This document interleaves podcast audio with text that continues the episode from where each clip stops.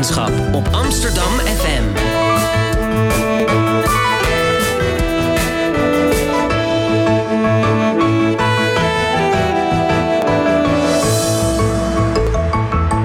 Radio Swammerdam.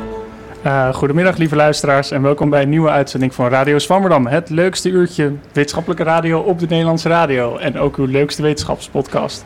Uh, mijn naam is Luc Brans en vandaag gaan we het hebben over de Tweede Kamerverkiezingen. Of tenminste, dat is een beetje het thema van vandaag. Uh, in het dossier Swammerdam stemt. En we hebben weer een aantal interessante gasten naast ons. Um, ik zit hier met mijn medepresentator Misha. Goedemorgen, Misha. Goedemorgen, Luc. Misha, weet jij al waar je op gaat stemmen? Ik uh, weet al wat ik ga stemmen, inderdaad. Ja. En? Ik ga GroenLinks stemmen. Ja, ik wil het wel zeggen op de oh, radio. Ja, zeggen. Oké. Okay. Um, tegenover uh, Misha zit Lisa, Lisa Muge. Uh, zij is uh, um, politicoloog aan de Universiteit van Amsterdam en directeur van de Amsterdam Research Center for Gender and Sexuality. Zeg ik het zo goed, Lisa? Ja, zeg helemaal goed. En Lisa heeft onderzoek gedaan naar de vertegenwoordiging van etnisch minderheden en vrouwen in de Tweede Kamer en in de politiek. Ze kijkt daarbij op welke manier minderheden in de Kamer terechtkomen, hoe zij invulling geven aan hun Tweede Kamerlidmaatschap of een migratieachtergrond en een vrouw zijn erin een rol speelt. Goedemorgen Lisa. Goedemorgen. Um, weet jij al wat je gaat stemmen? Heb je al een keuze gemaakt? Ja, ik heb een keuze gemaakt. En speelt de diversiteit van partijen en kandidaten een rol in jouw stem? Absoluut. Ik stem sowieso altijd op een vrouw. En uh, als, als die beschikbaar is, ook op een vrouw met een migratieachtergrond. Omdat ik diversiteit heel erg belangrijk vind. Maar die is niet altijd beschikbaar? Die is niet altijd beschikbaar. Oh, helaas. Ga je nu ook op een vrouw lager op de lijst stemmen? Ja, ja.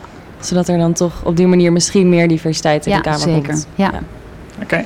We spreken straks uitgebreider met Lisa. Uh, naast Lisa zit Anne van der Wetering. Uh, zij is geen wetenschapper, uh, omdat het een verkiezingsuitzending is. Hebben we voor één keer geen wetenschapper uitgenodigd naast de gebruikelijke wetenschapper, maar een podcastmaker. Zij maakt een politieke podcast samen met ondergetekende. Deze podcast heet De Derde Kamer en zij doet erin verslag van de Nederlandse campagne. Hallo. Hoi. Goedemorgen Anne. Um, we zullen met haar in gesprek gaan over de mediaberichtgeving, over de campagne en hoe daar meer diversiteit in zou kunnen komen. Toch, Hanne? Ja, ja, ja, dat is wat we in de podcast doen en dat gaan we dan nu hier in het kort even ook doen. Oké, okay, helemaal goed. En um, heb jij al een keuze gemaakt? Ik, ik, twijfel eigenlijk nog steeds. Ik ben sowieso niet zo heel goed in kiezen, maar ik vind het nu wel nog... Ik heb nog drie mogelijkheden, namelijk GroenLinks, Partij voor de Dieren of artikel 1. Ik weet niet zo goed. En wanneer komt, die, wanneer komt de keuze? Is dat echt het moment dat je in het hokje staat? Nee, ik neem me de hele tijd voor om even echt goed nu echt alles te gaan lezen. En dan ben ik andere dingen aan het doen en dan stel ik het uit. Oké, okay, dus dinsdagavond zit jij met die verkiezingsprogramma's ja, dan voor je... waarschijnlijk stuur ik jou dan een paniekerige WhatsApp. Ja, en dan ga ik je overhalen om op mijn partijkeuze te stemmen. Oké, okay, helemaal goed. Nou, daar tegenover zit Bart van Erikhuizen. Hij is onze vaste columnist. Uh, ouders sociologie aan de UvA. En eerder dit jaar kwam hij bij ons in de uitzending uit de kast. Ja. Als PvdA-stemmer. Ja, ik schaam me kapot. en uh, Bart, zit je nu weer in de kast voor de komende verkiezingen of ga je trots PvdA stemmen? Ja, nou, ik heb een column geschreven en in de laatste regel van mijn column uh, ga ik uh, vertellen wat ik ga doen bij de komende verkiezingen. En dat wil ik dus nog even, de spanning wil ik er nog even inhouden, maar ik kan een tipje van de sluier oplichten. Ik denk dat wat ik dan zeg, dat dat heel erg past in het straatje van Lisa. Maar dat, Ah. zal, dat zal dan blijken. Oh, dit klinkt als een hele goede teaser. Ja, heel spannend. Um, Oké, okay, de column van Bart die horen we zo meteen. Maar eerst gaan we met Lisa in gesprek. Uh, u hoorde haar net al, Lisa Muke, politicoloog aan de Universiteit van Amsterdam. Um, directeur van de Amsterdam Research Center for Gender and Sexuality. Zij doet dus onderzoek naar de vertegenwoordiging van vrouwen en etnische minderheden in de politiek. En um, laat ik maar gewoon beginnen eigenlijk met een hele elementaire vraag... die misschien een beetje bleu en dom overkomt... maar misschien toch wel belangrijk is om te stellen. Waarom is diversiteit in vertegenwoordiging eigenlijk belangrijk? Nou, diversiteit in vertegenwoordiging is heel erg belangrijk voor een aantal redenen. Uh, internationaal onderzoek heeft uitgewezen, en dat is dan vergelijkend onderzoek, uh, dat een goede afspiegeling bevolking bijdraagt tot het functioneren van, uh, van de democratie. Dus dat is heel erg belangrijk.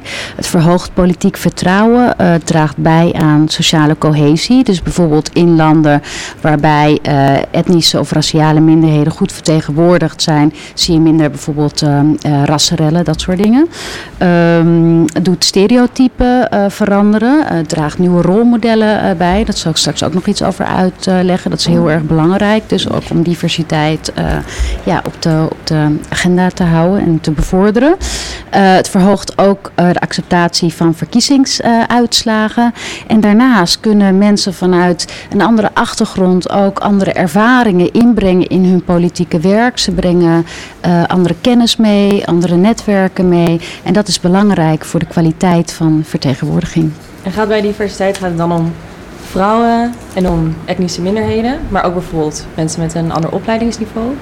Uh, in mijn huidige onderzoek kijk ik naar uh, mensen met een migratieachtergrond. En daarbinnen kijk ik naar diversiteit. Dus uh, vaak in onderzoek, maar ook in het publiek debat wordt vaak zo ja, de mensen met een migratieachtergrond een beetje als, als één groep gezien. Maar er is natuurlijk heel veel diversiteit binnen die groep. Als je, ja. als je zo een groep, binnen die categorie moet ik eigenlijk zeggen. Dus als je bijvoorbeeld kijkt naar Nederlandse Turken, nou ja, geen, geen groep is zo divers zeg maar, als de Nederlandse Turken. Dat zien we natuurlijk nu ook heel erg mooi met al die spanningen. Dus ik kijk ook naar diversiteit binnen groepen en tussen groepen uh, op basis van religie, maar ook op basis van gender speelt daar een hele belangrijke rol in. Ja. In jouw onderzoek, uh, tenminste ja, laten we daar misschien meteen maar heen gaan. Wat, is jouw, wat houdt je onderzoek in? Waar je nu mee bezig bent? Wat ik nu doe is, uh, ik kijk sinds 1986 uh, naar uh, de vertegenwoordiging van politici met een migratieachtergrond in de Tweede Kamer. 1986 is mijn startpunt omdat toen John Lillepali met een Molukse achtergrond was gekozen in de, in de Kamer. Hij is niet de eerste. De eerste was Roestam Effendi, ook iemand uit Nederlands-Indië. En hij heeft de communistische partij vertegenwoordigd in de jaren 30 tot 1946. Maar het heeft daarna dus tot 1986 geduurd voordat de volgende hmm. ja, niet-witte persoon uh, in de Kamer kwam. Dus daarom is uh, 1986 het startpunt uh, tot, en met, tot en met heden. Ja, en ik kijk dus naar de aantallen, bij welke partijen ze zitten, maar ook hoe partijen de afgelopen jaren omgegaan zijn met etnische diversiteit. En dan zie je dus dat de manier hoe partijen omgaan met, met, met etnische diversiteit heel erg gerelateerd ook uh, aan de manier hoe zij omgaan met uh, genderdiversiteit. Ja, interessant. Uh, en daar wil ik straks nog even op terugkomen. Maar ik wil eerst zeggen, misschien voor de luisteraars een beetje de facts en figures. Hoe zit het nu met de diversiteit in de Kamer? is het een goede afspiegeling van de bevolking? Uh, of fluctueert het heel sterk? Wat heb je gevonden? Nou, op, op, het moment is het eigenlijk uh, vrij goed. Dus ja, opnieuw met de disclaimer dat uh, als je mensen met een migratieachtergrond als één categorie neemt, dan zie je dat 12% van de huidige bevolking heeft een, ja, zoals ze dat noemen, niet-westerse migratieachtergrond. En datzelfde percentage is ook vertegenwoordigd in de, in de Tweede Kamer. En dat is sinds 2010 ongeveer. Toen, toen was het zo richting de 10%. Dus sinds 2010 is die, is die uh, vertegenwoordiging ongeveer uh, evenredig.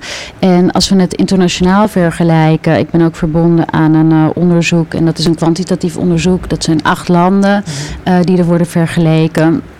Uh, in Europa, dan zie je ook dat uh, Nederland had niet, uh, niet alleen een hele vroege vertegenwoordiging van mensen met een migratieachtergrond, maar ook al heel snel een evenredige vertegenwoordiging. Dus Duitsland bijvoorbeeld, hebben gekeken naar, um, ik denk in 2012 is, het, is, is een vergelijkende, daarvoor hebben we een vergelijkende maat. Dan zie je dat, uh, wat, toen was het in uh, Nederland 11% en in Groot-Brittannië ook. Dus Groot-Brittannië heeft een ongeveer gelijke uh, percentage vertegenwoordiging, maar nog niet zo lang als in Nederland. En bij Duitsland, Frankrijk uh, is het zo rond de 4%. Dus het is echt vele malen lager in, ja. in andere landen. Dus in die zin hebben, we het, hebben we het heel goed gedaan. En kun je dat verklaren Nederland dat dan toch eigenlijk best wel goed doet? Uh, ik, ik, denk dat uh, dat vooral te maken heeft met, uh, nou, met een aantal factoren. Het heeft te maken met uh, aandacht binnen partijen daarvoor. Dus er zijn een aantal partijen geweest die hebben ruimte geboden aan netwerken van mensen met een migratieachtergrond. Mm. Dus binnen die partij wordt er een andere, een ene noemt het kleurrijk netwerk, andere in, de, in, de, in de jaren tachtig heette het dan migratienetwerk. dus dat, hebben, heeft verschillende namen gehad. Maar dat is heel erg belangrijk geweest. Dus de partijen die op een gegeven moment zelf dachten van nou ja, die uh, mensen met een migratieachtergrond die keren niet meer terug. En uh, er zit natuurlijk ook een belangrijk electoraal ja. idee achter. Van nou ja, bij, vooral bij de PvdA, maar ook wel bij het CDA. van ja, als, als we dat soort mensen opnemen binnen de partij, dan boren we ook een electoraat aan waar we anders geen toegang tot hebben. en daarnaast, binnen de PvdA in de jaren 80 was er een werkgroep opgericht. En die waren ook heel um, duidelijk ingesteld om te adviseren over migratie- en integratievraagstukken. dus dus dat, dat is een van de, van, de redenen. Um, en daarnaast um, zie je ook dat binnen de PvdA bijvoorbeeld uh, is in de jaren negentig een ongelooflijk actief multi-etnisch vrouwennetwerk geweest. Dus de PvdA heeft sowieso een hele krachtige feministische organisatie gehad.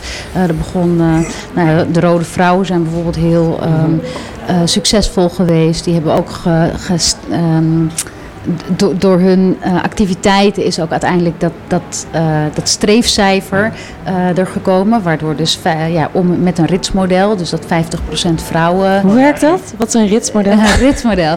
Nou ja, 1, 2, 1, 2 toch? Precies, ja, ja, ja. Dus om en om. Een tijdje hebben ze dat gedaan in cohorten van zes. Dus dat in cohorten van zes op de lijst moet de helft vrouw zijn. Oh, ja. maar, maar het begon met een streefcijfer van 25%.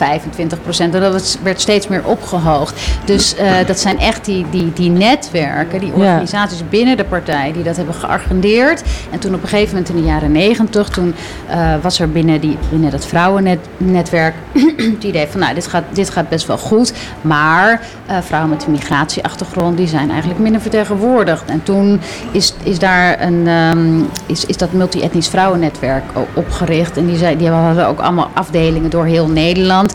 En die zijn heel actief geweest, die zijn heel erg serieus genomen, ook door het partij partijbestuur. Um, en dat netwerk, ja, dat soort netwerken maken, maken vrouwen zichtbaar. Uh, ze lobbyen ook. Ja. Uh, dat gaat allemaal best wel informeel. Dus het is ja. niet, ze hebben niet formeel lobbyen. Maar het is, het is wel heel belangrijk als er binnen partijen een organisatie is die mensen dus zichtbaar maakt. Maar ook zegt van hé, hey, die is goed. Want je komt, het is heel moeilijk ja. in de politiek te komen als er geen referentie is. Als ze hmm. je niet kennen. Ja, dus, iemand moet je aanbevelen. Precies, ja. Dus, dus je hebt iemand nodig die zegt van die, die is goed. En, en, ja. en, en die netwerken die, die kunnen dat doen. Dus dat, dat, dat zijn een van de, van de redenen waarom Nederland het uh, onder andere zo goed heeft uh, En waarom is dan, je zegt eigenlijk al van gender en die migratieachtergrond, dat gaat een beetje hand in hand. Dus bijvoorbeeld ook dat dan zo'n netwerk ontstaat rond vrouwen met een migratieachtergrond. Ja. Waarom gaat dat zo goed samen? Waarom stimuleert dat elkaar? Nou ja, omdat het te maken heeft met een bepaalde. Op, tot op zekere hoogte is insluiting en uitsluiting van vrouwen en etnische minderheden, dus bijvoorbeeld de structu structurele barrières uh, om door te stoten naar uh, machtsposities, die is best wel vergelijkbaar. Mm. Um, en die, uh, dus, dus dat, is, dat is een van de redenen. En je ziet dat die, die binnen partijen ligt die, die etnische diversiteit, die ligt vrij gevoelig, want partijen zijn toch ook altijd wel heel erg bang voor cliëntelisme en etnische lobby. Mm. En als je dan bijvoorbeeld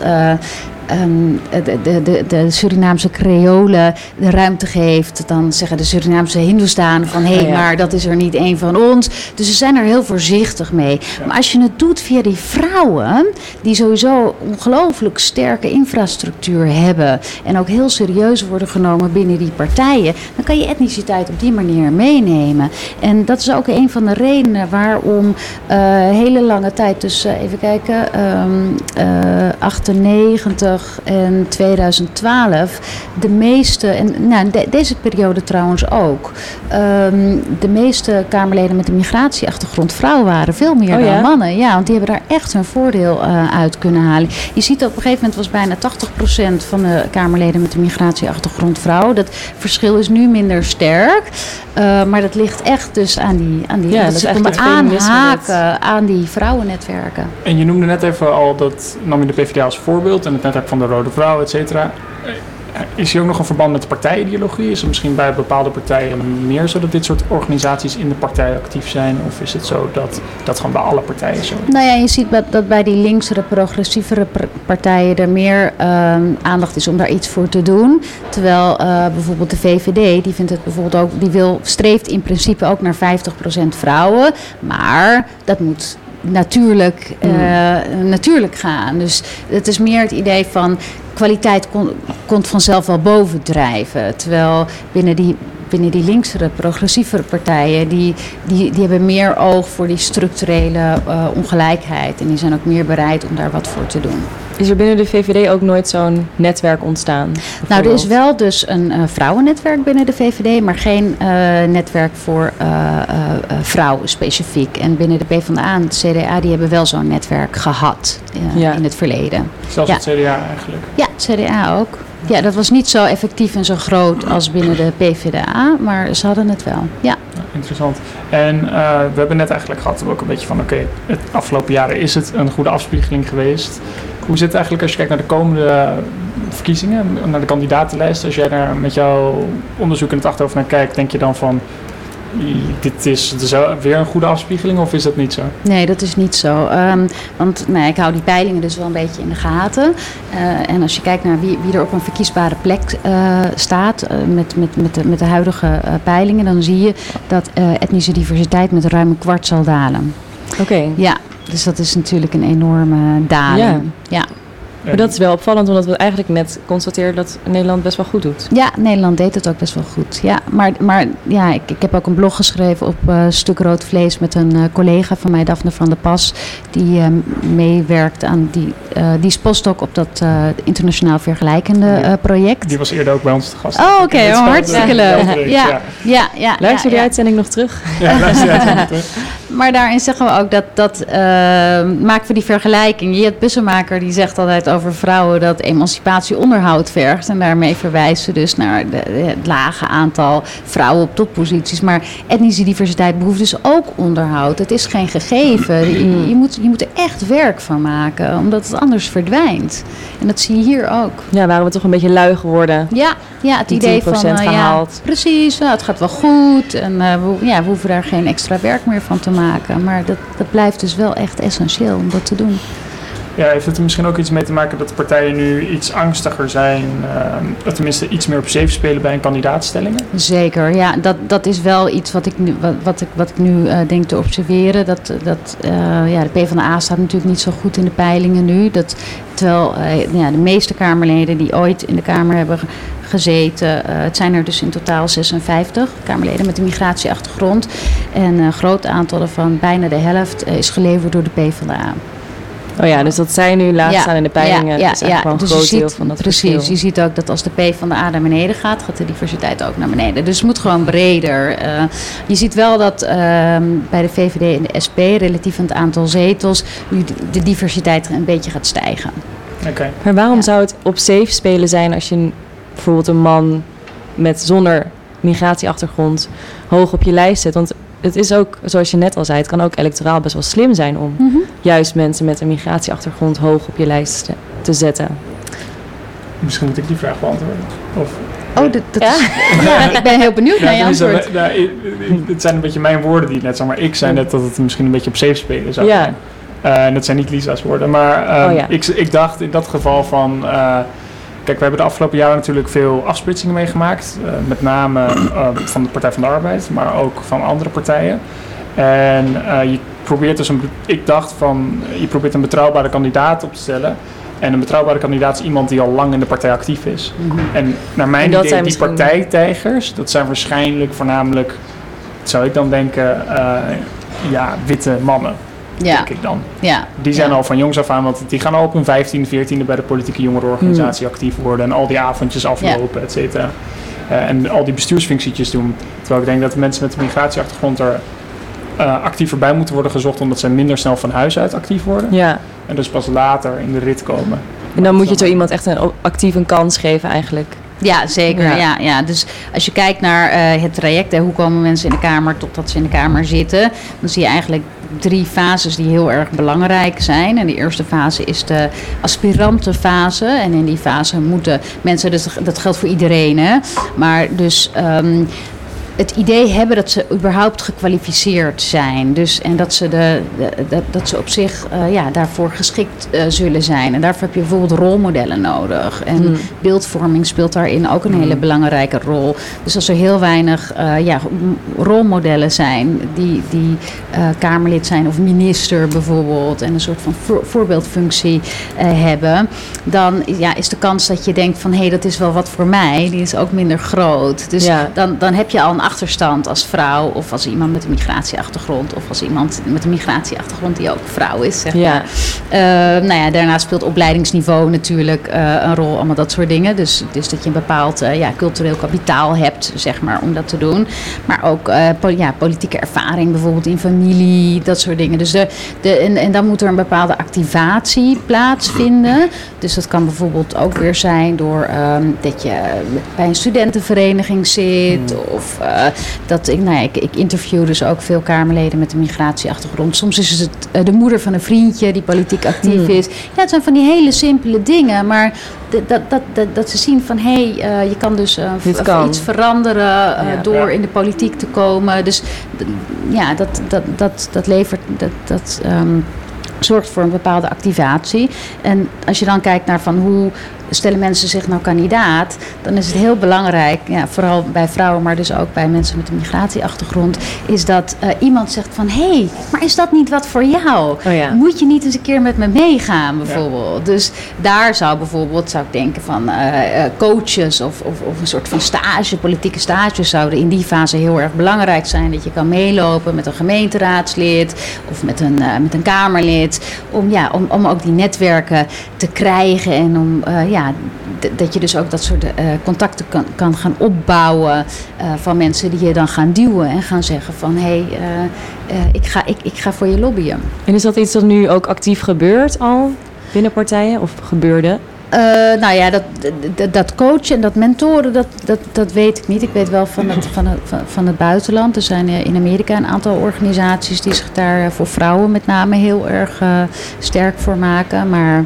nee, op dit moment heb ik geen kennis van. eh, Aanbeveling in ieder nee, geval. nee, dit is een aanbeveling. Ja. Ja, ja, ja, Ehm, goed, ehm, je hebt niet alleen het, het eerste, de fase onderzocht van eh, hoe, ze, hoe ze actief worden. En ook niet alleen de fase van hoe ze kandidaat worden. Maar je hebt ook daadwerkelijk onderzocht wat er dan gebeurt als deze mensen met een ehm, diverse achtergrond daadwerkelijk in de Kamer Ja. zitten. Hoe zij invulling geven aan Ja. hun Kamerlidmaatschap. Ja. Hoe heb je dit concreet onderzocht? Nou, we hebben eh, een aantal eh, dingen gedaan. Ik heb gekeken naar, ehm naar maiden speeches. Dus de eerste. Wat zijn maiden speeches? Ja, dat ga ik nu eh, uitleggen. Dus als een Kamerlid voor de allereerste keer in de Kamer het woord krijgt, dan, eh, de- ja, dan mogen ze wat extra tijd nemen. En dan mogen ze niet onderbroken worden. Eh, dus dan kunnen ze mensen bedanken en dan kunnen ze ja, reflecteren eventueel op persoonlijke ervaringen. En ehm, dus we, de, 53 van, eh, de- van de 56 hebben we inderdaad ook zo'n maiden speech eh, gegeven. Die hebben we geanalyseerd sinds 1986. En heel open gecodeerd. Gewoon gekeken naar niet alleen maar die migratieachtergrond, maar überhaupt eh, Wat elke ze nou? referentie naar een persoonlijke ehm, ja, identi- identificatie. En dan zien we dus iets heel interessants. We zien dat eh, eigenlijk tot de huidige eh, periode zie je maar dat er heel sporadisch wordt gerefereerd naar een, eh, naar een achtergrond. Oké. dus dat, dat ehm, en dus het zijn er maar eh, drie of vier die dat eh, doen. En in de huidige periode eh, van de 18 Kamerleden met een migratieachtergrond waren er acht die al eerder in de Kamer zaten. Dus die hebben hun main speech al in 2007 of 2010 eh, gehouden. En die refereerden heel algemeen naar een achtergrond. Bijvoorbeeld, het is echt een jongensdroom om hier te staan. Of Oh ja. ze verwijzen naar opleiding, zoiets heel algemeen. Eh, en dan eh, van de huidige Kamerleden, negen van de tien, die houden echt een heel eh, migratieverhaal van hun familie. En dat Oh. het echt een droom is van, van, van, van hun familie. Dus, ehm, dus als, als jullie het leuk vinden, kan ik wel ehm, wat, wat voorbeelden Ja. Ja. geven.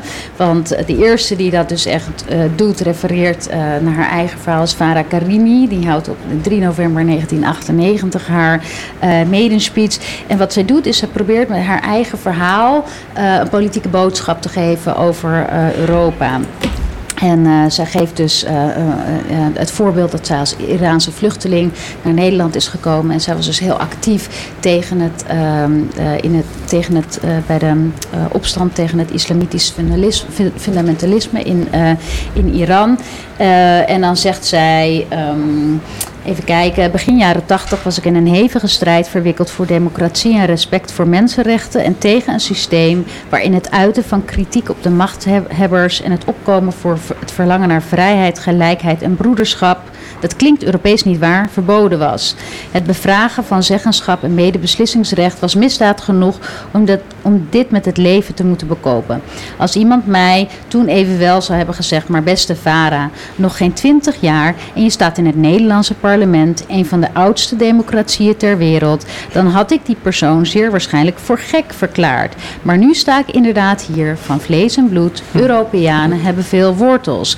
Um, nou ja, en dan, dan de, haar, haar medenspeech gaat dan verder over, over, over Europa. Um, en de volgende is Nihat Eski, ergens in uh, begin 2000. Die houdt een medenspeech en die vertelt dan over dat hij op zijn 17e naar Nederland kwam. En hij zegt dan heel duidelijk van ja, dat hij uh, een... Um, hij zegt, zo hoop ik voor velen met een andere etnische afkomst een voorbeeld te zijn. Ik wil laten zien dat, en hij komt van het CDA, Farah Karimi was GroenLinks.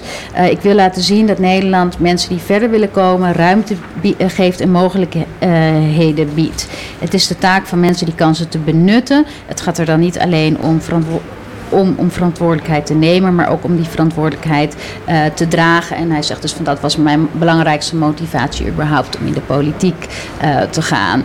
En John in welk jaar was dat? Dat, dat was uh, volgens mij 2003. Oh ja. en John Leerdam, um, rond dezelfde tijd, hij heeft een Antilliaanse achtergrond en ja, zijn, zijn medenspeech gaat helemaal over um, de bindingen met het koninkrijk. en, okay. nou ja, dus hij, hij wil dan vanuit zijn eigen ja, um, achtergrond wil hij dus die, die samenwerking uh, verbeteren, maar ook uh, te ko komen tot meer begrip. Zeg maar. En hij is weer een P van de A, toch? Klopt, ja, hij dus is een wel... P van de A, ja. En als je dan kijkt naar, naar nu, ik zei net al van dat, dat het ja, dat, dus dat het heel sporadisch was en dat nu eigenlijk bijna iedereen het uh, heeft gedaan. Um, dus uh, Amma Asante die uh, kwam onlangs in de Kamer omdat ze Tanja Jatna Singh voor de PvdA uh, opvolgde. Nou, die geeft ook een hele mooie beschrijving van haar familiegeschiedenis. hoe ze als die klein meisje vanuit Ghana mm. op het vliegtuig stapt en dat ze niet gewend was om schoenen te dragen. En dat het vroor hier en dat haar ouders, weet je, allemaal van die en echt inzicht, een hele ja, uitgebreide inzicht in hoe dat nou is om te migreren en hoe ze in de Bijlmer wonen en haar vriendinnetje. Dus zij, zij neemt daar echt uh, de tijd voor. Maar anderen die geven inzicht in hoe het, nou, hoe het nou is om op te groeien in een gezin waarin de ouders de Nederlandse taal niet machtig zijn. Hoe ja. het is voor kinderen om bijvoorbeeld uh, te vertalen uh, tussen, ja, met instanties. Um, hoe is het nou om op basis van je achtergrond uitgesloten te worden op school? En daar heb ik het vooral, het voorbeeld wat aangehaald wordt, is dat, um, en dat, dat lees je natuurlijk ook vaak in, uh, in de media, is dat, uh, dat, dat, dat kinderen met een migratieachtergrond een lager schooladvies hmm. krijgen. Nou ja, hoe is dat nou? Dus, dus, dus er wordt echt inzicht gegeven in hoe dat nou is. En de focus is dan heel erg op, uh, op positiviteit, succesvolle integratie. Oh ja, je bent daar uitgekomen? of ja, de daar... Nederlandse uh, droom. Dus wat ik wel heel boeiend vind, is dat die politiek die wordt steeds persoonlijker. Ja. Dat, dat zie je. En, en, dus dat was eigenlijk voor, natuurlijk voor deze campagne. Maar je ziet ook dat deze campagne draait helemaal om identiteit. Het gaat om uh, wie is nou de echte, de echte normale ja. Nederlander ja, en zo. Wie hoort erbij, wie en niet. Wie hoort erbij en wie niet. En er is uh, natuurlijk artikel 1 en denk en zo. Dus uh, ja. Maar steeds meer mensen verwijzen dus in hun maiden speech naar hun achtergrond. Ja. En in het begin, toen er net mensen met een migratieachtergrond in de Kamer kwamen, deden ze dat echt expliciet niet? Of Nee. hielden ze het algemeen? Ja, precies. Dus het idee meer van je moet. Kijk, als Kamerlid met een migratieachtergrond is het, is het heel. Je moet heel subtiel na- navigeren, als het ware. Het is, het is moeilijk om het goed te doen. Want er zijn Ja. heel veel uh, uiteenlopende verwachtingen. En. ehm, men is heel bang voor het idee, uh, voor het etnische cliëntelisme. Dus uh, er wordt natuurlijk de hele tijd gelobbyd in de, in de Kamer. Politiek gaat om lobbyen. Dus er zitten, zitten boerenorganisaties, er zitten uh, organisaties die ja. lobbyen voor scholen. daar, en daar doet men niet raar over. Maar op het moment dat er een Turkse organisatie mm. op zoek gaat bij een Kamerlid met een van Turkse origine, ja, dan wordt het ineens heel, heel gevoelig allemaal. Ja. Dus in die zin wordt er wel een beetje met uh, twee maten uh, gemeten, denk ik. En uh, wat ik, nou ik, interview, ik heb nu 26 interviews gedaan van die 56, dus ik ben nog, nog bezig. Maar dat is iets wat wel steeds terugkomt, dat ofwel Kamerleden er expliciet voor, zeggen, voor kiezen om te zeggen van, nou ja, um, ik doe het allemaal transparant. Ik heb altijd de deur open, bijvoorbeeld, zodat iedereen kan zien dat er niks, dat er geen oh, ja? schimmige deel, deals gesloten worden. Of dat ze zeggen van, nou ja, het zit niet in mijn portefeuille, maar ik verwijs ze door uh, hmm. naar een collega die dat. Dus dan, dan is het meer impliciet hè, dat die, die, die, die netwerk of die kennis um, die gerelateerd is aan achtergrond uh, wordt ingezet. Maar wat het heel mooi laat zien, vind ik, is dat die identiteiten, of de manier hoe die achtergronden worden omgezet in identiteiten, dat het niet statisch is. Dus het verandert. Ik sprak laatst iemand en die zei van ja, aan het begin van mijn politieke carrière wilde ik helemaal niet inzetten op mijn achtergrond. Ja. Omdat ik wilde dat mensen mij kozen om mijn politieke ideeën. Maar nu, door de opkomst van de PVV, heb ik het gevoel dat het nodig is. Het moet. Dus het is, het is iets wat dynamisch is. Ja. Het is, het is iets wat geactiveerd kan worden. Uh, iets wat mensen heel expliciet kunnen inzetten of juist helemaal niet. Uh, dus dat is, ja, dat is ook heel erg, hangt dat samen met, uh, met de politieke actualiteit. Ja, ja, dus dat komt met name doordat zeg maar, het focus van de politiek debat heel verschoven is naar identiteit. Dat deze ja. Kamerleden ervoor kiezen om ja. hun identiteit ook meer een rol te laten spelen. Ja, ja, ja. Oké. Okay. En um, ja, Anne, hoe luister jij, hoe luister jij eigenlijk naar? Nou ja, ik vind dat, dat persoonlijk is wel interessant. Ik denk dat het ook, waar wij het in de podcast best wel vaak over hebben, is nou, hoe, hoe, we kijken naar de media. En, en mm -hmm. dat we proberen te kijken van waar komt nou dit standpunt in de media vandaan of wat is. En ja, wat, dat wij het altijd juist wel heel prettig vinden dat er als er een beetje rekenschap wordt gegeven van hoe een idee tot stand komt in ja. de media. En dan ja, dat volgens mij relateert het wel aan elkaar. Ja, ja, en dat, dat gewoon waar je vandaan komt en wat je ideeën over de wereld zijn, gewoon ook heel erg kleuren hoe je verslag doet van die wereld. Ja. En nou ja, zeker als het over stereotypen gaat of zo. Ja. ja. Want wat ik ook opvallend vond in die tweede maiden speech die je voorlas, dat hij ook expliciet zegt dat hij graag een voorbeeld wil zijn. En dat is eigenlijk wat je ook zegt, waarom het belangrijk is om diversiteit te hebben. Ja. Dat is iets waar hij zich wel heel erg bewust van is. En zegt hij dan ook zelf uh, dat hij ook zo'n voorbeeld had? Nee, dat zegt hij niet. Nee. Nee, dus hij, misschien dat hij ook dan iets nieuws tot stand wil brengen of zo inderdaad. Ja. Een ja. model wil zijn. Ja. ja. Ja, dat zou kunnen. Dus ik kan me ook voorstellen dat je dat eigenlijk helemaal niet wil. Eigenlijk dat je inderdaad voor je politieke ideeën gekozen wil worden en niet... Ja, maar, ja. Maar, de, maar dat geeft dus aan dat er diversiteit is onder ja. die Kamerleden. ja, maar dat is gewoon zo. En dat is persoonlijk. Uh, het is niet, kijk, er wordt vaak ge, ge, uh, wordt mij gevraagd, ja, maar die, die mensen die, die vertegenwoordigen toch gewoon een partij. Maar het zijn, het zijn niet uh, uh, poppen van een partij. Weet je, ze hebben er is heel veel ruimte om zelf invulling te geven aan, aan hoe ze hun kamerwerk doen en hoe ze zich zelf ja, neerzetten. Ja. Dan heb je natuurlijk ook wel de media, die, ook, die plakt ook labels op. Dus dat is natuurlijk weer een, een hele andere factor, inderdaad. Hoe die berichten over, over, over die Kamerleden. En als het inderdaad gaat over hun inhoudelijke werk, nemen ze dan ook vaak hun achtergrond daarin mee? Dat zie je bijvoorbeeld ook vaak met diversiteit als het gaat over de media en op redacties. Stel jij werkt uh, bij NRC je bent de enige met een migratieachtergrond, dat dan heel snel wordt gezegd van, oh hé, hey, dit gaat ook over Turkije, kan jij daar even iets over zeggen? En dat je een soort van zo dat label krijgt en dan de specialist wordt. Ja, je ziet door de tijd heen. We hebben ook gekeken naar wie zit er nou, uh, wat hebben mensen in hun portefeuille. Want waar mensen zich over uit, politici zich over uitspreken, uh, publiekelijk, dat is natuurlijk heel erg afhankelijk van wat er in de portefeuille zit. We hebben wel gezien dat uh, procentueel over de jaren heen vaker mensen zittingen hebben in een commissie die relateert aan migratie en integratie, die dus ook daadwerkelijk een migratieachtergrond hebben. Maar er zijn ook inderdaad heel duidelijk ja, aantal mensen mensen die ik heb gesproken die zeiden: ja, maar dat doe ik dus niet. Ja. Dat wil ik echt niet. Maar dus de- ik denk dat het belangrijk is om twee sferen te onderscheiden van elkaar. De formele, zichtbare sfeer. Dan gaat het over in welke portefeuille hebben mensen, in welke ehm, eh, commissies zitten ze, maar ook eh, wat voor kamervragen stellen ze, wat doen ze in hun speeches. En de informele sfeer. Want een heel groot deel van die politiek, die gaat natuurlijk, die vindt plaats achter, dat zien wij niet. Dat Nee. ziet de media ook niet. Maar die is wel heel erg belangrijk. Want die politici, ook over partijen heen, die hebben gewoon contacten met elkaar, die drinken koffie. Ja. je, er gebeurt van al. En daar gebeuren ook, ja, daar wordt ook informatie uitgewisseld. Eh, en dat, is, dat heeft ook een belangrijke functie. Dus bijvoorbeeld, dan kan, dan kan iemand met een migratie, een Kamerlid met een migratieachtergrond wel ja, ehm, informatie doorspelen aan iemand die wel eh, zo'n issue in zijn portefeuille heeft. En dat, dat heeft, ja, eh, eh, vind ik, een net zo belangrijke functie als die formele Ja, functie. precies. Dus het is op meerdere manieren is die diversiteit dus eh, echt heel nuttig. Zeker, ja, absoluut. Ja. Zo kan het beginzijde. Ja. Maar dat vergt dus wel onderhoud, begreep ik. Ja, Ehm, en we hopen dan dat we misschien voor de komende Kamerverkiezingen toch nog een enigszins divers eh, parlement terugkrijgen. Ondanks het verlies van de PvdA. Nou ja, en het probleem is ook van diversiteit is één ding, maar dat zie je natuurlijk ook bij vrouwen. Op een gegeven moment moeten, die, moeten Kamerleden met een migratieachtergrond moeten ook doorstoten naar, de, naar de top. Ja. Eh, naar ministersposten, eh, post van Lijsttrekkerschap. lijsttrekkerschap.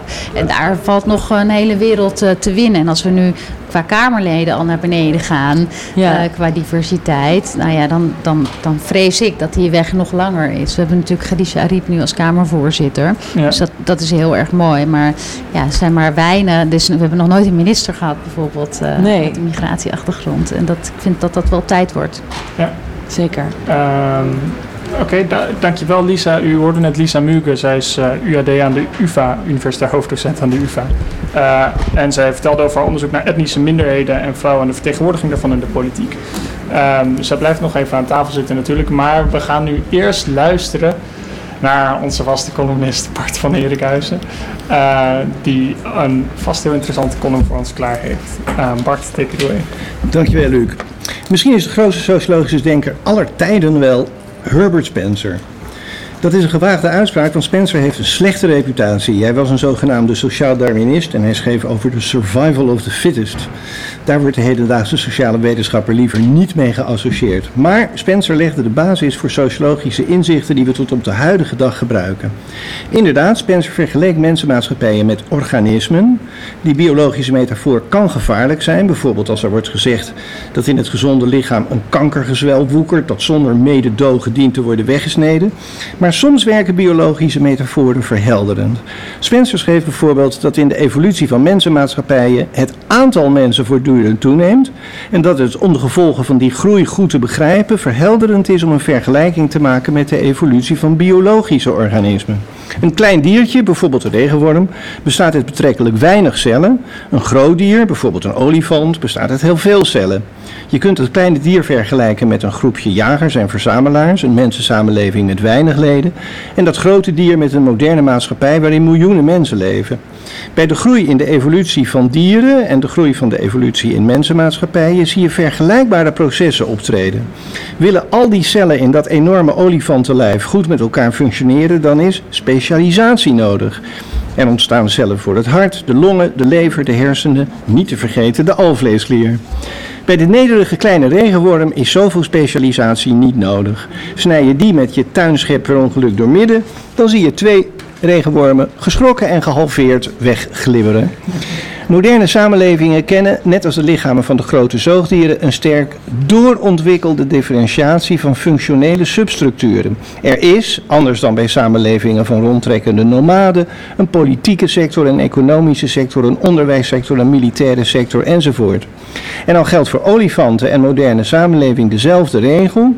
Hoe meer de delen zich specialiseren, des te meer hebben ze elkaar nodig, des te interdependenter worden ze, des te meer raakt het geheel geïntegreerd. Dat klinkt als een paradox en toch is het zo. Hoe meer differentiatie en specialisatie, des te meer integratie en cohesie. En ook des te meer kwetsbaarheid. De modernste vormen van mensenmaatschappijen zijn volgens Spencer zo hecht dooraderd met lange draden van afhankelijkheid, dat ze zowel heel erg samenhangend als ook heel erg kwetsbaar worden. Hij maakt onderscheid tussen militaire en industriële samenlevingen. De industriële zijn moderner, gedifferentieerder en dus ook veel sterker geïntegreerd dan militaire samenlevingen. Industriële samenlevingen zijn kwetsbaarder dan militaire samenlevingen en ze zijn vooral meer op elkaar aangewezen. Militaire samenlevingen bevechten elkaar door oorlog te voeren. Industriële samenlevingen bestrijden elkaar op het terrein van de economie. Ze zijn elkaars concurrenten, ze pogen de ander te slim af te zijn op de grote internationale markten, maar ze zijn gedwongen om intensief samen te werken. En eigenlijk beschreef Spencer hier al een soort globaliserend economisch stelsel waarin vreedzame handelsrelaties in de plaats komen van gewelddadige oorlogshandelingen. Spencer vond dat een fantastische ontwikkeling. De tijd van de grote oorlogen tussen de landen ligt achter ons. Het militarisme is iets van het verleden. In de voor ons liggende 20e eeuw Spencer leefde van 1820 tot 1903, zullen er geen oorlogen meer zijn. Gelukkig. En zeker niet in Europa. En al helemaal niet tussen Frankrijk, Duitsland en Engeland. Want dat zijn hoogontwikkelde, kwetsbare industriële verbanden die inmiddels een zo uitgekristalliseerd web van verbindingen hebben. Denk aan de spoorwegen, denk aan de telegraafpalen, denk aan de kanalen. Dat het beginnen van een oorlog zelfvernietiging zou betekenen en geen regering die daaraan begint. De 20e eeuw wordt de eeuw van de vrede. Zelden zal een sociologische voorspelling zo falikant onjuist zijn gebleken. De 20e eeuw werd in Europa, gemeten naar het aantal doden, de bloedigste eeuw. En toch had Spencer gelijk toen hij zei dat zich verlengende lijnen van interdependentie kunnen behoeden voor oorlogen. Maar hij had de snelheid van het proces overschat. Rond het midden van de 20e eeuw was het in Europa wel zover. Ik ben geboren in 1948 en mijn hele leven lang, een kleine 70 jaar inmiddels, heb ik in dit deel van de wereld niets anders meegemaakt dan vrede. Een unieke lange vredesperiode voor het van oudsher zo bloeddorstige werelddeel Europa. De NAVO werd opgericht, de Benelux ontstond, de kolen- en staalgemeenschap, de EEG, de Europese Unie. En de, lijnen, de lijnen worden nog altijd langer. De Europese Unie wordt sterker, de euro bindt mensen over steeds grotere afstanden, meer functionele differentiatie, meer structurele integratie, meer welvaart. Het is geen wonder dat mensen uit het Midden-Oosten en Afrika hier willen wonen, ook als ze geen vluchteling zijn. Zij zien veel beter dan wij zelf hoe bevoorrecht wij zijn. Wat hebben Donald Trump, Marine Le Pen, Nigel Farage en Geert Wilders gemeen? Zij zijn uit op verkorting van de interdependenties, verkorting van de lijnen die continenten omspannen, verkleining van de sociale eenheden. Le Pen wil dat Frankrijk de Europese Unie verlaat. Farage is er al in geslaagd om de brexit erdoor te krijgen. Geert Wilders zou liever vandaag dan morgen de euro afschaffen en de gulden weer in ere herstellen. Trump spreekt smalend over de Europese Unie. Hij noemt de NAVO hij wil handelsverdragen als TPP, TTIP en NAFTA openbreken. En wat al die politici met elkaar delen is niet in de eerste plaats hun populisme of hun onorthodoxe campagnestijl. Wat hen bindt is de gedachte dat de wereld een betere plek wordt als we de lijnen van afhankelijkheid niet langer verlengen, maar ze vanaf nu gaan verkorten. En als je de theorie van Spencer nog altijd juist acht, dan is dat het recept voor regressie, de weg terug naar militaire samenlevingen en uiteindelijk vergroting van de kans op verschrikkelijke Europese oorlogen. Je kunt je bij je stemkeuze laten leiden door deze kwestie en onderzoeken hoe de verschillende partijen denken over de euro, de brexit, de eventuele nexit, de Europese Unie, de handelsverdragen, CETA, TTIP, de NAVO en ook het Oekraïne-verdrag. En dan zie je de tegenstanders van uitbreiding van de lange lijnen zijn de PVV, VNL, Forum voor Democratie. De voorstanders vind je bij D66 en een beetje minder uitgesproken bij GroenLinks en de PvdA. Dat is toch iets om even over na te denken in het stemhokje. Dit was geen stemadvies, maar ik heb wel een stemadvies. Gedurende 40 jaar heb ik inderdaad, dat vertelde Luc net, voor mijn studenten verhuld op wie ik stemde. En vandaag, ik heb het al eerder gedaan, kom ik er vooruit. Ik ben inmiddels toch met pensioen. Het is niet erg meer. Ik heb nog nooit gestemd op een politicus omdat ik die zo aardig vond. Of omdat ik er wel een biertje mee zou willen drinken of een tweedehands auto van zou willen kopen. Ik heb altijd geprobeerd om alleen maar te laten leiden door de inhoud van de partijprogramma's. En ik heb ook nooit meegedaan aan het politiek correcte gebruik om te stemmen op de hoogste vrouw. Of om te stemmen op de hoogste allochtoon op de lijst. Gezagsgetrouw stemde ik altijd op de nummer 1. En dat was stevast een oerzaaie blanke man. Ik moet hier bekennen, ik heb zelfs op Melkert gestemd. maar deze keer doe ik het anders. We leven in chaotische tijden en we hebben behoefte aan rust. En er is er één, volgens mij, die kalm blijft te midden van de gekte. Eentje die fatsoenlijk is. Eentje die intelligent is. En die bovendien sociologie heeft gestudeerd aan de Universiteit van Amsterdam. Ook al kan ik me eerlijk gezegd niet meer herinneren dat ik die, die student in de collegezaal heb gehad. Iemand die wat mij betreft als minister-president het morele gezag van Nederland in de wereld zou vergroten. Op 15 maart ga ik mezelf het plezier doen om te stemmen op de nummer 2 van de PvdA, Khadija Ariep. Eh, dankjewel Bart. Ehm, u hoorde Bart van Herikhuizen, onze vaste columnist. ehm, die dus uit de kast kwam als stemmer voor Kalishari. Ik wist helemaal niet dat zij sociologie heeft gestudeerd. Ja, dat is zo. Ja. Lang geleden, of niet? Ik denk ergens in de jaren 80. Ze schrijft dat ze genoot van de colleges van Gaussblom en de colleges van Bram de Zwaan. En Maar ze herinnert zich mij kennelijk niet. en ze schrijft, en dat vond ik heel leuk, ze zei, Bram de Zwaan die zei een keer, ja die Khadija Ariep, die kan ik me nog wel herinneren. Maar ik geloof er niks van. Volgens mij kan hij zich mij helemaal niet herinneren. zei ze. maar ze vertelt dat ze het boek De Gevestigde en de Buitenstaanders van Norbert Elias, dat het diepe indruk op haar heeft gemaakt in de studietijd. Ah, nou ja, dat is een echte socioloog. Dat wist ik helemaal niet. Eh, dankjewel Bart. Ehm, ja, eh, we zitten hier aan tafel met eh, Lisa Mugen van de UvA en Anne van der Wetering. Eh, zij is podcastmaker van de Derde Kamer. En ik wil eigenlijk graag nu spreken met Anne. Goedemiddag Anne. Hallo. Hoi, ehm, leuk dat je kon aanschuiven. Ehm, wil je misschien iets vertellen over je podcast? Wat doe je in die podcast?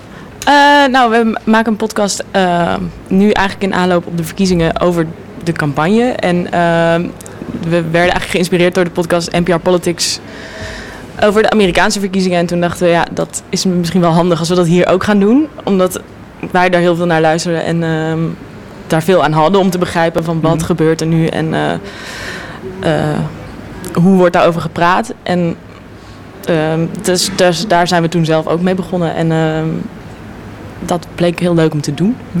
Hoeveel leuk. uitzendingen hebben jullie nu gemaakt of afleveringen? Volgens mij vijf en een half. Vijf en een half. Ja, vijf en een half. Interessante score. We hebben het vandaag eh, met Lisa over eh, diversiteit gehad. Is dat iets wat, jullie ook, eh, wat jullie aan het hart gaat?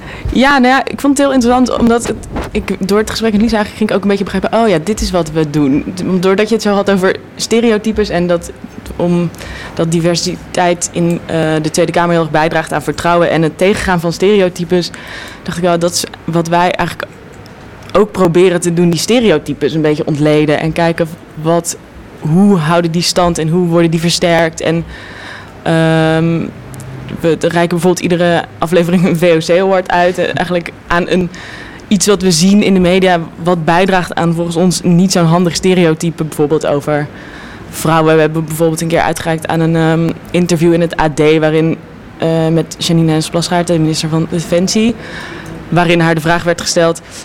Eh, ja, voor een eh, emotionele vrouw met een gezicht dat boekdelen spreekt, eh, als jij Ja, overweeg je om botox te gebruiken, Ja, waar wij allemaal hard om moesten lachen en ook heel boos van werden. ja. Omdat, het, omdat dat precies zo'n idee is wat volgens ons heel erg bijdraagt aan het idee dat ja, vrouwen beoordeeld worden op emotionele kwaliteit in plaats van op hoe, ja, hoe ze doen als minister en op het beleid wat ze voeren. En, eh, dus, dus die kreeg de VOC-award. En waarom VOC-award? Waarom VOC? omdat het bijdraagt aan een seksistisch stereotype van, van vrouwen. Net als het VOC. In tijden van. Dat is een beetje geïnspireerd volgens mij op eh, Jan-Peter Balkenende, toch? Die Oh ja, ja, ja, ja, ja. Dat, dit, Die in de Kamer zei, we willen meer VOC-mentaliteit. Eh, en daar is de, die, die award een beetje op ge- gebaseerd. Maar was natuurlijk ook een niet zo'n handige opmerking. nee. En inderdaad, een soort het toonbeeld van De niet handige opmerking. maar- witte mannen en de norm aan de macht. Zeg maar. Ja. ja, ja, En jullie zijn nu eh, vooral bezig met de aanloop naar de verkiezingen. Eh, gaan jullie ook door na de verkiezingen na 15 maart? Ja, ik denk het wel. Juist ook omdat we eigenlijk tot de conclusie kwamen van... Doordat er nu zoveel informatie is en zo die campagnes zo gehyped worden. En dat terwijl het gaat natuurlijk niet alleen. Het is nu is heel belangrijk, maar wat er daarna gebeurt is ook heel belangrijk. En door de enorme aandacht die er nu is voor, voor de politieke partijen en zo. Wordt er ook een beetje het idee gecreëerd dat het alleen nu kan. En dat je daarna eigenlijk niet zoveel meer hoeft te doen. Want dan Ja. is er weer vier jaar dat je niet hoeft na te denken. Terwijl we dachten ook, ja, dat, dat is juist helemaal niet aan de hand. Je moet juist daarna ook heel veel blijven doen. En je, vertegenwoordigers blijven aanspreken op de dingen die ze wel of niet goed doen. En dus eigenlijk doordat we het gingen doen, werd eigenlijk vooral duidelijk dat we ook daarna wel echt door moesten gaan daarmee. Oké, en uh, dus je, jullie kijken in de podcast kritisch naar media, of naar uh, de mediaberichtgeving over de campagne. Maar wat is, ging er nou goed afgelopen verkiezingscampagne in de media? Um, nou ja, we, hebben bijvoorbeeld een, uh, ook een keer een voorbeeld aangehaald uit Nieuwsuur, waarin um, een item werd gemaakt over democratie. En je hoort heel veel in de media nu dat de democratie dat hartstikke slecht gaat en dat er allerhande problemen zijn. En daar werd eigenlijk een item gemaakt over experimenten met democratie en, en nieuwe initiatieven. En um, dat vonden we heel interessant, omdat we dachten, ja, het is ook goed om te laten zien dat het niet een kwestie is van de democratie is stuk of heel, maar verandert of hmm. moet worden bijgesteld. Of wordt, daar wordt, ja, dat is iets wat niet helemaal af is. En, uh, dus dat vonden we een interessant voorbeeld. En ja, wat ik ook echt interessant vind is hoe Zondag met Lubach het de hele tijd doet. En, en daar zeg maar de media ideeën analyseert. En bijvoorbeeld heel kritisch is op wat er gebeurt met peilingen. En dan laat zien hoe dat komt dat, het, dat die peilingen zo sturend zijn. En uh, dat vind ik ook heel interessant. En dat is volgens mij ook media. En dat is ook wat we proberen in de derde kamer. Om niet per se alleen maar de Haagse verslaggeving nee. te doen. Maar juist ook te kijken wat, wat gebeurt er omheen. En want die, ja, zeker die stereotypes die zitten natuurlijk niet. Ja, die zitten overal. Die zijn ook in popcultuur heel sterk aanwezig. En in satirische programma's worden die voor mijn idee heel goed onderuit gehaald de laatste tijd. Dat vind ik heel leuk. Dus eigenlijk als je naar politieke berichtgeving wil kijken, moet je breder kijken dan alleen de Haagse... Uh... Nou, dat is wel een beetje onze, onze insteek, ja. Oké, dus een brede opvatting van politiek. Een brede, opvatting van, van politiek, zoals jij dat altijd zo mooi noemt, Luc. Precies, een brede opvatting van politiek. Um, we naderen bijna het einde van de uitzending eigenlijk alweer. Ik wil eigenlijk nog aan, aan andere vragen. Durf je het koffiedik te kijken en een uitspraak te doen over, uh, over de uitslag? Nee. nee. nou ja, ik weet niet. Ik okay, waar ben ga, heel benieuwd. Waar ga je op letten de komende dagen? Of waar moeten we op letten? Op, uh, er komt nog een slotdebat geloof ik. En, denk, toch? Ja, denk je dat dat echt belangrijk wordt? Ja, geen, ja, ik weet het gewoon echt niet meer. Ik zag wel op internet dat mensen bezig waren om het klimaat als thema in het slotdebat te krijgen. Dat vond ik wel heel goed. Dus ik hoop dat dat dan lukt. Lijkt me zinnig. Ja. En voor de rest Fingers crossed. Ja, ik hoop dat mensen niet, zich niet laten leiden door, uh, ja, door strategische ideeën en zo, maar gewoon echt nadenken van wat, wat vind ik nou echt belangrijk en wie, op wie kan ik stemmen die, dan, die ik kan vertrouwen of waar ik mijn vertrouwen aan wil geven. En uh, ja, ik denk dat dat toch wel een goede raadgever is. Oké. Okay. Okay. Mensen. Waar ga jij op letten, Lisa? Uh, je bedoelt uh, voor mijn eigen stemmen? Nou ja, of uh, als uh, politicoloog? nou ja, ik volg het natuurlijk met hele grote interesse. Ik denk niet dat dat. We hebben nu de huidige peilingen. Ik denk niet dat daar nog heel veel in zal veranderen. Misschien een, één, twee zetels van die grote partijen. Maar ik denk dat we er wel op kunnen rekenen dat die vier partijen de, de, ja, ongeveer gelijk aantal zetels zullen gaan. Um, gaan halen. En ik denk, ja, de formatie wordt natuurlijk ontzettend spannend. Ja. Wat daar gaat gebeuren. Dat, uh, kijk, ik heb het idee dat, dat, dat die uitkomst, daar hebben we al een beetje een idee van. Die formatie die wordt heel spannend. En ik hoop dat er een hele hoge opkomst is. Dat hoop ik. Oké, okay. oké. Okay. Uh, dankjewel Lisa. Um, naderen het, de, het, einde van de uitzending. Ik hoorde de eindtune al. Ik wil graag mijn gasten bedanken. Um, Bart van Heerikhuis, onze vaste columnist. Um, hij had een heel interessante column dit keer. Uh, ook over Khadija maar eigenlijk over nog veel meer. Um, daarnaast had Anne van der Wetering. Zij is podcastmaker van de Derde Kamer. En nu hoorde daar net uh, Lisa Muge, uh, universitair hoofddocent aan de Universiteit van Amsterdam. En zij vertelde over haar onderzoek naar vertegenwoordiging van etnische minderheden en vrouwen in de politiek. U kunt deze uitzending natuurlijk vanmiddag gewoon terugluisteren op onze website www.radioswammerdam.nl. Um, ik wil natuurlijk ook Misha bedanken, Misha Melita, mijn medepresentator. En Henk, Henk Rijgrok van der Werven. Um, ik wil graag ook nog even wijzen, lieve luisteraars, dat we een factuur uit hebben staan voor nieuwe redactieleden. De sluiting is 1 april, dus kom gezellig met ons radio maken. We willen heel graag heel veel nieuwe, leuke masterstudenten uh, en bijna aan het afstuderende mensen die met ons radio komen maken. Volgende week hebben we een uitzending over taal um, in het dossier vertaalslag. En ehm, natuurlijk kunt u eh, ons volgen op Soundcloud, Stitcher, Facebook, Twitter, etc. Ik eh, wens u veel succes bij het bepalen van uw stemkeuze voor komende woensdag. Ik hoop dat wij u eh, op wat andere gedachten hebben gebracht. Of misschien uw keuze hebben doen heroverwegen of juist niet. Dat weet ik eigenlijk ook niet. Ehm, mijn naam is Luc Brands en ik wens u nog een hele fijne zondagmiddag. Dank u wel.